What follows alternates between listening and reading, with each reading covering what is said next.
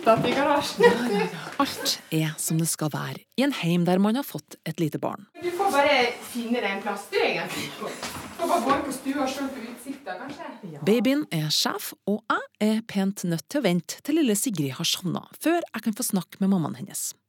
For om bare noen få dager skal trebarnsmor Else Røseth Svensson vise fram sin siste fødsel for hele Norge, når hun deltar på fødeavdelingens fjerde sesong.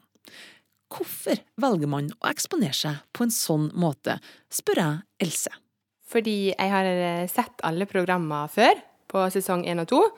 Og når jeg kom til min første jordmorkonsultasjon med tredje barnet, så spurte hun om jeg ville være med, for hun hadde liggende brosjyre på kontorpulten sin da, og lurte på om vi ville være med og bidra til fødeavdelingen. Og da følte jeg nesten litt sånn plikt at ja gud, jeg har sett alle programmene, nå er det kanskje min tur. Så da tenkte jeg ja, hvorfor ikke? Og så har jeg en litt sånn eh, spesiell tidligere historie med førstefødselen min. Så da fikk jeg rift på en grad fire, da. Da er lukkemuskel helt revet av i endetarmen, da. Og man er også rivna opp i tarmsystemet. Og Da tenkte jeg at jeg kanskje har noen hatt samme situasjon som meg, da, og kan trenge å se at det, det går bra. Og man kan ha fine fødsler i ettertid, selv om man har hatt vonde og triste opplevelser. Nei, jeg kjente at det var kanskje nødvendig å få ut. For det snakkes veldig, veldig lite om eh, fødselsskader og ting i ettertid. Vi er blitt veldig åpne om eh, det meste om kropp, men akkurat litt sånn eh, stygge sider rundt fødsel, det er fortsatt litt tabu, føler jeg. Mm, men eh, en ting er at du hadde lyst på å gjøre det her, men din mann, hva sa han når du kom med det forslaget? Han hadde litt delte meninger, og var vel kanskje ikke veldig gira på å være med på TV. Men når sant skal sies, så rakk ikke han fødsel nummer to. Så da lå jeg alene på fødestua og fødte. Så da sa jeg at da har han egentlig ikke så mye han skulle ha sagt. Og hvis han skulle miste denne her med, så har vi han i hvert fall på film. Så da ble det bestemt at eh, ja da, de skal få lov å filme. I et sånt program så er det jo hovedsakelig du som eksponeres. Men samtidig så er det jo en eksponering av din mann, av ditt eh, nyfødte barn, som ikke har en mulighet til å si noen ting. Og den nære familien blir òg familien til hun som eh, nå straks kommer på TV. Hva tenker du om det? Nå i ettertid, når jeg har sett klippet sjøl, før det kommer på TV, så kjenner jeg at det for meg er helt greit. Eh, hun er så lita uansett at hun har ikke mulighet til å påvirke noe. Og når du er en baby, så er du på en måte litt prisgitt foreldrene dine da, og det de finner på. Eh, og så lenge at hun blir eh, vist på en fin måte, og det ikke er noe trasig og pinlig og flaut og sånne ting, så tenker jeg at det er et minne for livet for hun også. Jeg skulle gjerne likt å se når jeg trådde inn i denne verden. Det vil jeg jo aldri få mulighet til. Så eh, jeg tenker at dette er en eh, litt mer avansert form for et fotoalbum. og hvis Norge har lyst til å ta en titt inn i det, så vær så god. Det er jo det største jeg har gjort. Jeg er jo kjempestolt. Det er jo en skikkelig prestasjon. Syns jeg fortjener gullmedalje. Der, ja. Fint. Nydelig. Har du mer? Flott. Kjempebra. Det er jo full eksponering av mange kroppsdeler samtidig. Hvordan fikk du ivaretatt din eh, privatsfære i en sånn veldig offentlig filming? Jeg har jo et fryktelig naturlig forhold til kropp. Ingenting er flaut, og alt er flott og fint. Eh, Så jeg var jo først sånn at nei da, her trenger vi ikke sensurere vekk puppen, det går bra. Men så har jeg en mann som overhodet ikke er der. Og han sa jo nei, det er hans sine pupper også, de kan vi godt dekke til. så, og det er helt greit for meg, og det er viktig for meg, for vi er jo to om det. Altså en fødsel, det er to, det er ikke bare én. Og derfor så fikk han ha et ord med i laget. Så vi har jo fått sensurert absolutt alt, både det som er viktig og uviktig. Så jeg føler jo at det klippet er voldsomt diskré. Eh, og din mann, hvordan ja. følte han det når han så det her klippet som dere får tilsendt? Hvordan var reaksjonen hans på det? Han syntes det var kjempefint, og var veldig positivt overraska over hvor fint de hadde gjort det. Og vi var jo med i prosessen hele veien, og vi hadde jo mulighet til å be dem klippe vekk det vi ikke ville ha med, og de kunne legge til hvis det var noe vi syntes mangla. Så de var veldig eh, tilbøyelige til å endre ting ut ifra hvordan vi ville ha det, da. Melkesjokolade det må da stimulere herlighet. Denne delen er klippa bort. Nei, den er med. Men det er tatt vekk akkurat når jeg begynte å trykke med sjokolade. For det var bare så voldsomt. Til nå har det 15 minutter lange klippet av Elses fødsel kun vært til beskuelse for hennes lille familie, men om noen dager er det åpent for hele Norges befolkning å se. Og Discovery og A. Ja, nå husker ikke alt som sto i den kontrakten, men det, hovedessensen var jo det at det er jo Discovery som eier materialet, og de kan bruke det til det de vil, uten å nødvendigvis konferere med meg, for det er jo deres eiendom. Så hvis de f.eks. ville ha brukt det på et innslag i God morgen Norge, da, selger de et klipp fra fødselen min, så kunne de gjort det. Og det må jeg bare innfinne meg med. Jeg kjenner at så lenge jeg er komfortabel med innholdet, og syns at innholdet er greit både til pedagogiske formål og til å vise frem, så går det helt fint for meg, det, altså. Hvis Sigrid da som fem-seksåring går på skolen, eh, og alle kan se fødselen hennes på nettet, mm. eh, og hun sier 'mamma, nei, jeg vil ikke det'. Har du noen mulighet til å si ifra til Discovery at nei, nå må du faktisk fjerne det, for nå har jeg datter som, ikke vil at det her skal vises lenger? Ja, Det vet jeg faktisk ikke. Eh, og det tenker jeg, det må jeg ta litt når det kommer.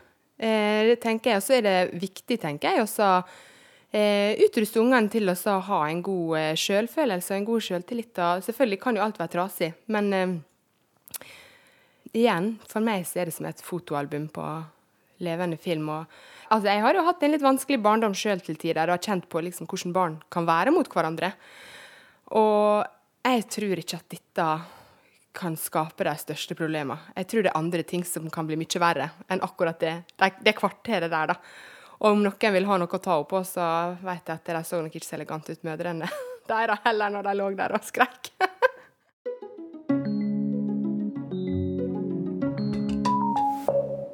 Én ting å melde seg på et sånt type program og ha mer eller mindre kontroll over situasjonen og fremstillinga. Men hva om du blir stoppa av politiet, ropt opp på legevakta, blitt stansa i en grensekontroll eller sprunget etter av en vekter, med et kamera opp i ansiktet ditt? I og med at det finnes så mange program som dokumenterer ulike arbeidsgrupper, så blir også de menneskene de møter i sin arbeidshverdag, en del av vår TV-underholdning, og plutselig blir de, mer eller mindre frivillig, reality-kjendiser. Mannen sparker plutselig Zaid i legen, og med hensyn til legens sikkerhet velger vekterne derfor å legge han kontrollert i bakken. En av dem som har gått ut og vært åpent kritisk til en sånn type eksponering av mennesker, er Tove Gundersen, generalsekretær i Råd for psykisk helse, som tilbake i 2016 gikk hardt ut mot realityprogrammet Oslo S, som vi hørte et klipp av her. Er hun fortsatt skeptisk til denne type programmer? Jeg er ganske skeptisk, eh, rett og slett fordi at jeg syns en del av reality-seriene skaper mer distanse enn nærhet, altså. Og spesielt til livets utfordringer. Og jeg mener det er lite hensiktsmessig at redde og rusa og rasende mennesker blir underholdning. Og det stilles ikke noe spørsmål om hvorfor folk sliter. Eh, nå var jo eh, liv og døden på Oslo S som et eksempel. Det var jo altså Målet med den serien var jo å vise mangfoldet i arbeidet til vekterne. Men det er noe med å stille spørsmålstegn med til hvilken pris. Fordi det er eh, slik at det blir veldig overfladisk. Og de som filmes, synes jeg blir lite deltakende, altså i egne liv, men fremstår mer eh, passivisert. Og det blir litt lite alminneliggjøring. Det blir også mer at man bekrefter myter mer enn å bryte de. At det er bare elendig. Blir du rusa, så havner du kanskje på et eh, toalett på Oslo S. Altså Folk vises frem med alvorlige psykiske helseplager og rusproblemer for å skape underholdning, og jeg syns det er lite verdig. Og Gundersen tror også at sånne program gjør noen ting med oss som TV-seere. Og samtidig så blir det sittende igjen et publikum som ser verden fra sin egen stue. Grensene blir litt visket ut også i forhold til hva man kommenterer på og hva man syns er greit. Jeg tror veldig mange mennesker ikke hadde klart å stå i og se noe av det vi har sett på TV. Hvis de faktisk hadde stått f.eks. på Oslo S, så ville de gått fordi de syntes det var veldig vanskelig. Men på TV så kan vi lene oss tilbake, og så kan vi mer eller mindre bade i andres elendighet uten at vi blir stilt til ansvar. Det er mye lettere å bli stilt til ansvar når man ser noen som man er i nærheten eh, av, og hvor man fysisk kan berøre dem. Hvilke grep skulle de tatt for at det her hadde vært eh, bedre, syns du? Det finnes jo eh, noen serier som har vært virkelighetsnære og informative, hvor de virkelig har bidratt til kunnskap og åpenhet. Og jeg tenker Petter Uteligger er jo et eksempel. Og det er en sånn serie som har fungert som folkeopplysning og bidratt til å destigmatisere tunge rusmisbrukere. Ja, men hva om vi ikke ønsker å lage folkeopplysning, må TV nødvendigvis uh, gjøre eller vil noe godt? Kan ikke bare få lov til å være ren underholdning som følger et vekterteam da, på Oslo S, eller en politipatrulje? Rent konsekvensetisk så har vi alle et ansvar, og jeg mener det har uh, også mediene. De velger hva som sendes. Uh, av eh, underholdning. Og da spør jeg meg igjen om intriger, sjalusi og vold og rus, er det veldig underholdende i den formen? Så jeg syns at det bør være mye større varsomhet rundt hva det er som legges ut. Og så stille noen spørsmål. Er det greit å bruke mennesker kynisk for å tjene penger? Det er et eh, spørsmål jeg syns er viktig at man tar fatt i. Og det spørsmålet retter jeg videre til mediesjef i Discovery Networks, Hanne McBride. Hva tenker hun om den kritikken av programmet Oslo S som kommer fra Gundersen? Vi ønsker all debatt og kritikk velkommen, og vi går ofte i, i, i, dialog med kritikerne våre, og så er vi åpne for råd og innspill fra alle hold. Når det er sagt, så er det ikke sånn at all kritikk er berettiget. Jeg, jeg tenker at det derre tjene penger-argumentet, det kan brukes om alle som driver med journalistikk.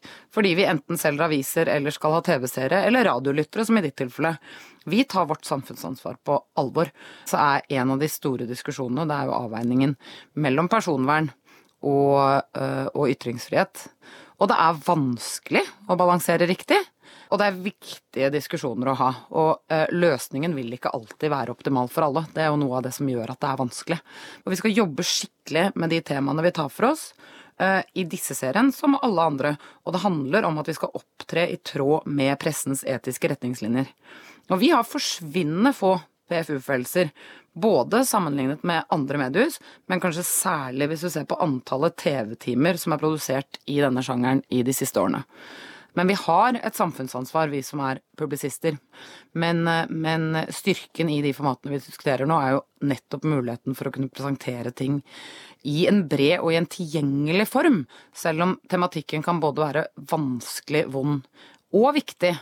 Og så er det et eller annet inkluderende og, og også faktisk liksom eh, demokratiserende eh, å kunne belyse vanskelige saker i en lettfattelig innpakning. Eh, men det betyr jo ikke at man har jobbet mindre med, med presseetikken. Noen ganger så får man jo en følelse at selve programideen, eller, eller hva skal vi si måten dette mm, lages på, skyver på de presseetiske eh, reglene eller normene, nettopp fordi at de skal tilfredsstille programmet. Gunnar Bodal Johansen er tidligere sekretær i PFU, pressens faglige utvalg, og har lang fartstid inne å vurdere presseetiske problemstillinger. Bodal Johansen har ikke vanskelig for å se de her presseetiske utfordringene, men det som man kanskje syns er mest problematisk ved sånne produksjoner, er anonymiseringa.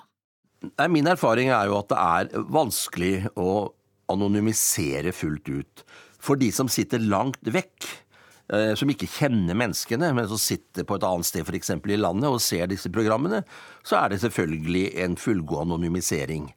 Men eh, for de som er nære disse menneskene, så er det nødvendigvis ikke eh, sånn at anonymiseringen er like god.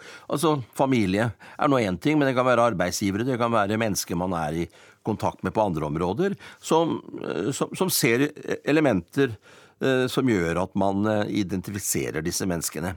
Men Bodal Johansen har forståelse for at det oppstår sånne utfordringer ved produksjonen av TV-programmene. Det hele poenget er jo at man skal billedlegge det, ikke sant. Det er jo fjernsyn det handler om. Sånn at eh, da er det jo mennesker som er involvert i dette på en eller annen måte, som vi normalt aldri ville eksponert i pressen, men som er en del av den billedleggingen som, som dette, disse programmene er. Alt kan ikke være svart, alt kan ikke være pikslet ut. Det må være, det må være noe fra dette miljøet hvor politiet f.eks. kommer inn i, som er en del av billedleggingen. Og Der kan det jo selvfølgelig oppstå fremkomme elementer som kan være med på å identifisere mennesker, men som også kan være Det er jo ikke bare identifikasjonene som er problemet, men det kan også være med på å være ganske integritetskrenkende, selv om det skulle være f.eks. noe som begås noe som er ulovlig, som politiet slår ned på, så kan det samtidig i fremstillingen her være ganske integritetskrenkende. Det kan være mennesker som ligger nede, som er slått ned. Det kan være mennesker som bringes til sykehus. Det kan være eh, den type elementer som, hvor man kommer tett på mennesker, og som kan være integritetskrenkende for mennesket der og da. Anonymisering har alltid vært en utfordring for pressen. Tove Gundersen i Råd for psykisk helse mener at det er for enkelt å gjenkjenne deltakere fra reality-programmene. Og jeg har selv eh, sett på Oslo S personer som fortsatt har de samme klærne på seg som de hadde i eh, TV-serien. Så det er ikke nødvendigvis sånn at de blir skjermet godt nok. Nå skal vi heller ikke glemme at noen av de som er blitt med, de har blitt litt ufrivillige med, for vi alle er jo sånn at vi blir litt fjetra og litt begeistra når vi får oppmerksomhet, og så glemmer vi litt i en sånn stund hva slags eh, konsekvenser det kan ha, bl.a. for familie og for venner. Og Bodal Johansen mener også at ikke alle som stiller opp nødvendigvis vet helt hva de har sagt ja til.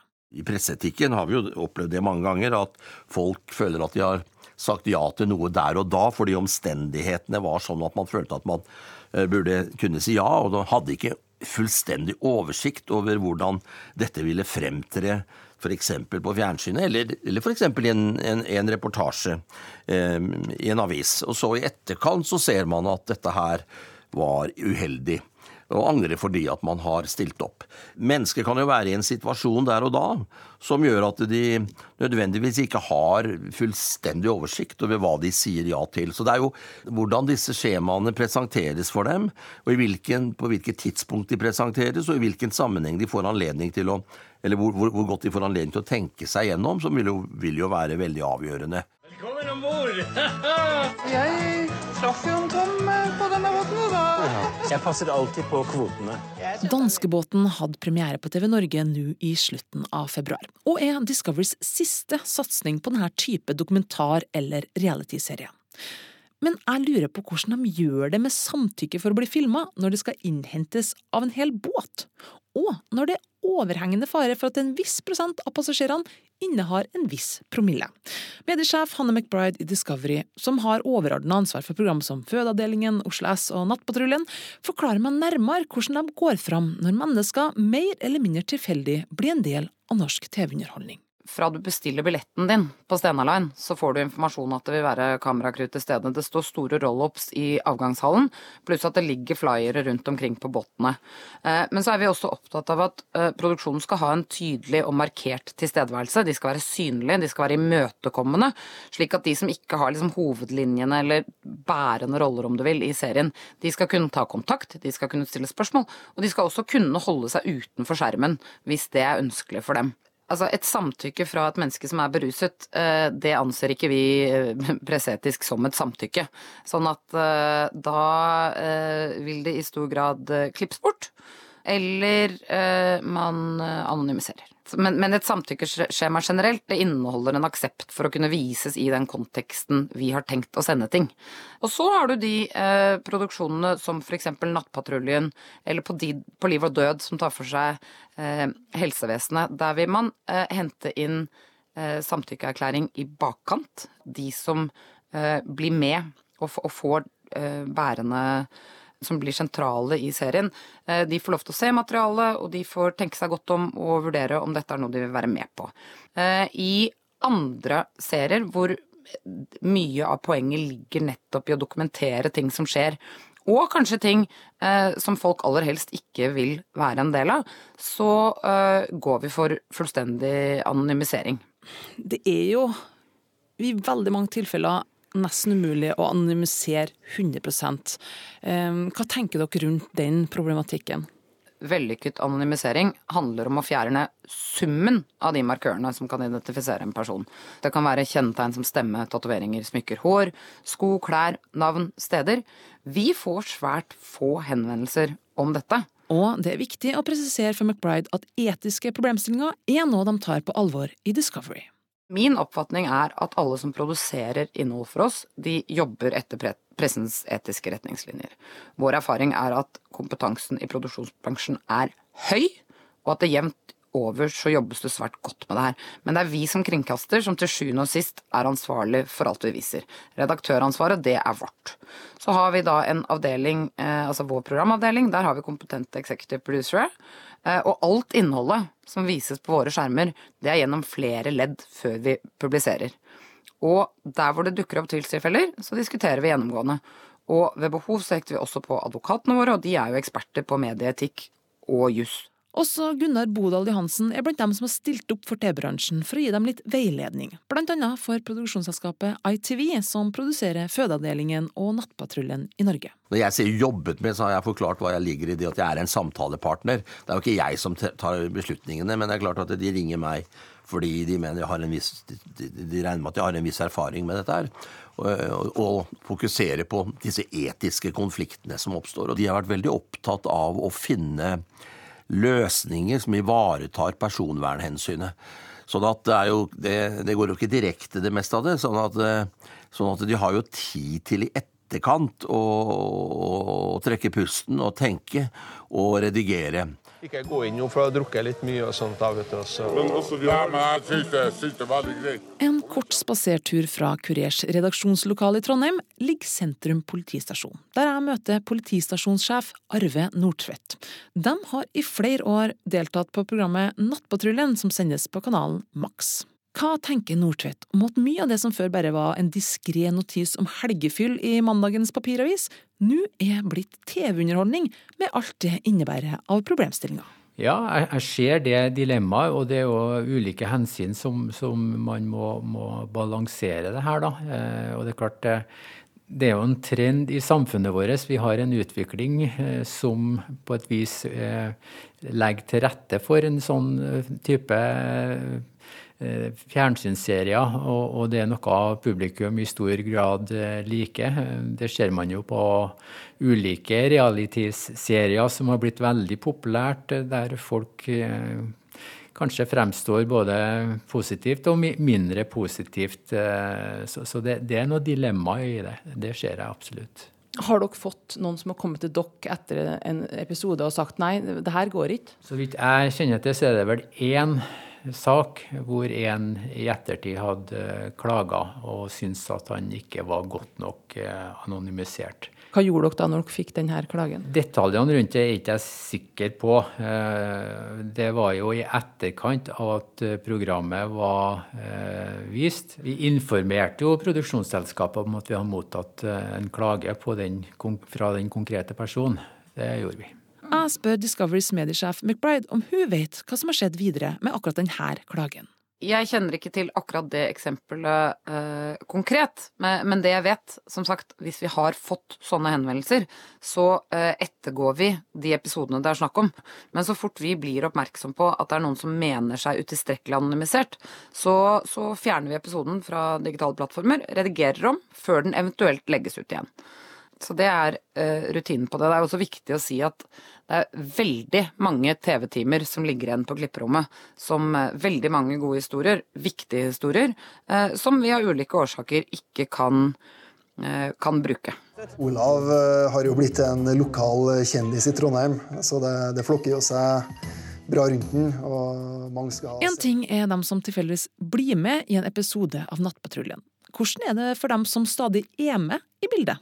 Nemlig politimennene sjøl. Eh, de har fått utrolig mange positive tilbakemeldinger, eh, både fra folk de kjenner og fra ukjente. Når de har kjørt patrulje, så har de blitt, eh, gjenkjent, og, og, publikum har tatt kontakt med dem, eh, og de har blitt eh, populære. Kommer dere til å fortsette her samarbeidet med Nettpatruljen? Eh, det får vi nok vurdere hvis vi får en sånn henvendelse igjen. Det er jo som sagt ikke så mange som er villige av våre medarbeidere til å stille opp i et sånt program. Det krever ganske mye. Som politi så er det jo litt krevende. Det kan være litt krevende å bli i for stor grad profilert. Han har jo lyst til å gå rundt og bli gjenkjent som politi, samme hvor du beveger deg hen. Så, så det, det, har en, en bakside òg, ja. Der er vi! Det er ikke mange dagene igjen til Else skal vise fram sin siste fødsel til Kanalen 5 sine seere. Hvordan er det med nervene før noe sånt? Jeg er jo ikke redd for å verken eksponere meg eller vise meg fram, så jeg har invitert til eh, alle venninnene til litt sånn Kall Kalt det Else fører på storskjerm og kommer med popkorn og brus, så skal de få se. så det syns jeg er bare gøy. Det er ikke noe jeg er flau over eller syns er skummelt eller spennende. Jeg syns det er en kjempebragd. Altså, noen vil vise fram at de går fort på ski, og noen vil vise fram at de klarer å trykke ut en unge. Så.